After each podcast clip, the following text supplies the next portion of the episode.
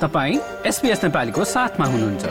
अरू रोचक सामग्रीहरूका लागि SBS dot com dot slash Nepali जानुहोस्। अस्ट्रेलियनहरू पार्कहरूमा गएर विभिन्न क्रियाकलाप गरेर रमाउन मन पराउँछन् व्यायाम साथीभाइ भेटघाट बार्बिक्यू पिकनिकका लागि होस् वा कुकुर डुलाउन वा अन्य कुनै सामुदायिक गतिविधिका लागि अस्ट्रेलियनहरूले हरियालीले भरिएका पार्कहरूको भरपूर उपयोग गर्छन्। सामान्य नियम र शिष्टाचारका कुरा जान्दा आफू सँगसँगै पार्कमा आउने अन्य मानिसले पनि उत्तिकै रमाइलो गर्न सक्छन्। तपाईँलाई थाहा छ अस्ट्रेलियाका शहरी क्षेत्रमा करिब पचास हजार पार्कहरू छन्। सिडनीमा मात्रै चार सय भन्दा बढ़ी पार्क छन्। जसमा ससाना स्थानीय पार्कदेखि सम्पदाको सूचीमा परेका हेरिटेज गार्डन र रिजर्भ पार्कहरू पर्छन्। सिटी अफ सिडनी काउन्सिलमा ग्रिनिङ एण्ड लिजर म्यानेजर रहेका जोयल जोन्सनका अनुसार सामान्यतया यस्ता सार्वजनिक हरियालीयुक्त स्थानको व्यवस्थापन गर्ने जिम्मेवारी सिटी काउन्सिलको हुने गर्छ। कुनै कुनै अवस्थामा भने राज्य सरकार ट्रस्ट र अन्य निकायहरू मिलेर पनि यस्तो स्थानको व्यवस्थापन गर्छन्। जोन्सन पार्कहरूका नियम फरक पर्न सक्ने भएकाले आफू जान लागेको क्षेत्रमा रहेका नियमहरूका बारेमा जान्नुपर्ने बताउँछन्। स्थानीय काउन्सिल र लोकल गभर्मेन्ट एरिया एलजीए पिछे नियमहरू फरक हुन सक्छन् उनले भने Each council area, each local government area does have different rules. I think you would, in the main, find them very similar, but depending on where you visit in Australia, there may be different issues or, um, you know, facilities or things happening in that local government area. So, very important to check with your local council. शहरी क्षेत्रका पार्कहरूमा सर्वसाधारणको सुरक्षा सँगसँगै त्यसलाई प्रयोग गर्ने मानिसहरू बीचको सद्भाव कायम गर्न पनि विशेष ध्यान दिइन्छ कुनै विशेष निर्देशन बाहेकमा भित्री शहरका पार्कहरूमा एक खाले नियमहरू लागू हुन्छन् जोन्सनका अनुसार कुनै विशेष कारणले शहरी क्षेत्रका पार्कमा क्याम्पिङ गर्न वा अन्य कुनै खाले गतिविधिमा रोक लगाउन सकिन्छ Parks are like people's backyard, so we have signage that encourages people to share and respect the spaces that we provide. And yeah, one thing we don't allow is parking vehicles or camping in any of our parks. But drinking alcohol, we do have certain areas where that's restricted and certain areas where that's not restricted. So really important to check the park signage and we have pictograms where possible so that people can pick up pretty quickly what's allowed and not allowed. Sami डोबिन्स mama knows Melbourne नाम गरेको एक वेबसाइटकी सहनिर्देशक हुन् उनको वेबसाइटले केटाकेटी र परिवारलाई बाहिरी गतिविधिका लागि कुन स्थान उपयुक्त हुन्छ भन्ने बारेमा सुझावहरू दिने गर्छ धेरै पार्कहरूले केटाकेटीका लागि खेल्न वा पारिवारिक गतिविधि गर्न रोक उनी बताउँछिन्। उनका अनुसार ठुला पार्कहरूमा भने खेल गतिविधि गर्नका लागि नियमहरू फरक हुन सक्छन्। you know, regulations about ball sports or large parties of people gathering in some botanical gardens.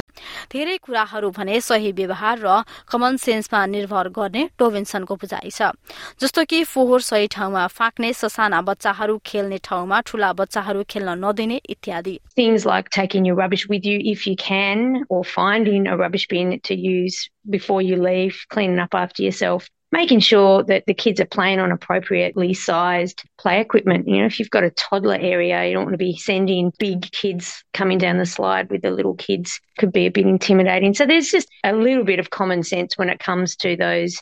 यसै गरी स्थानीय पार्कहरूमा बच्चाको बर्थडे पार्टी वा अन्य यस्तै किसिमका गतिविधि गर्दा अन्य मानिसका बारेमा पनि सोच्नुपर्ने डोभिन्सनको भनाइ छ Just need to be, I guess, mindful about noise, making sure you're not bringing the biggest boombox you've got and keeping things under control in terms of the kids running around, I suppose. And take your streamers home with you if you're decorating. Make sure all of that party stuff goes with you.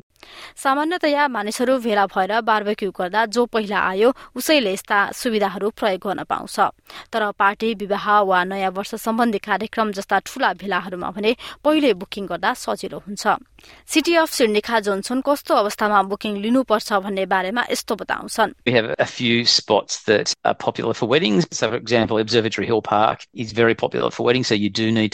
in those locations and events that would typically need approval are things that are going to have a major impact on the park or you know very large concerts or uh, markets or commercial activities where you're selling things, those sorts of things need approval. And so our venue management team would consider what you're wanting to do, say yes or no, and then provide conditions of use if it's approved. Yes बाहेक barbecue गर्दा पनि स्थानीय काउन्सिलको वेबसाइटमा नियमहरू हेर्नुपर्छ त्यहाँको fire danger रेटिङको बारेमा जानकारी राख्नुपर्छ यसै गरी व्यावसायिक रूपमा व्यायाम वा तालिम सञ्चालन गर्दा पनि काउन्सिलसँग अनुमति लिनुपर्छ भने कतिपय अवस्थामा शुल्क पनि तिर्नुपर्ने हुन्छ।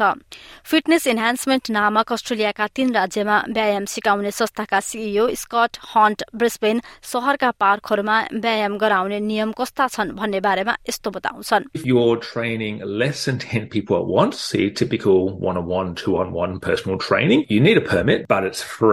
If you're training less than 10 people at once, see typical one-on-one, two-on-one personal training, you need a permit, but it's free. And then if you have a group of more than 10 people, such as a boot camp, then you do need to pay for a permit, and that's about $1,200 per year. Obviously, have a bigger impact on the environment and the community if you've got groups of 10 or 20 people.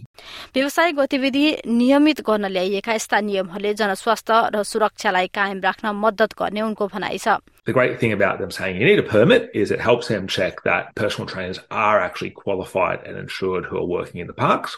From the consumer point of view, what they should also be doing is actually looking at that person and going, do they have the appropriate council approval?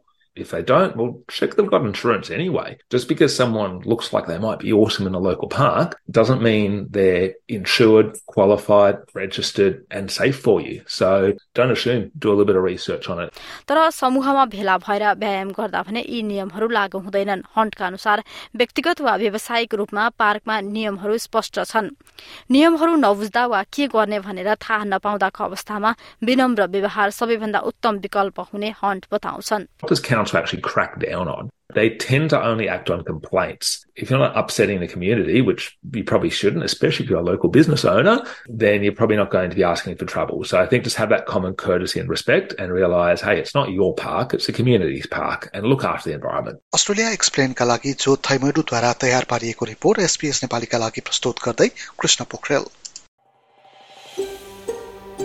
यो जस्तै अन्य प्रस्तुति सुन्न चाहनुहुन्छ Apple podcast Google podcast स्पोटिफाईमा हामीलाई खोज्नुहोस् वा तपाईँले पोडकास्ट सुन्ने अन्य सेवामा।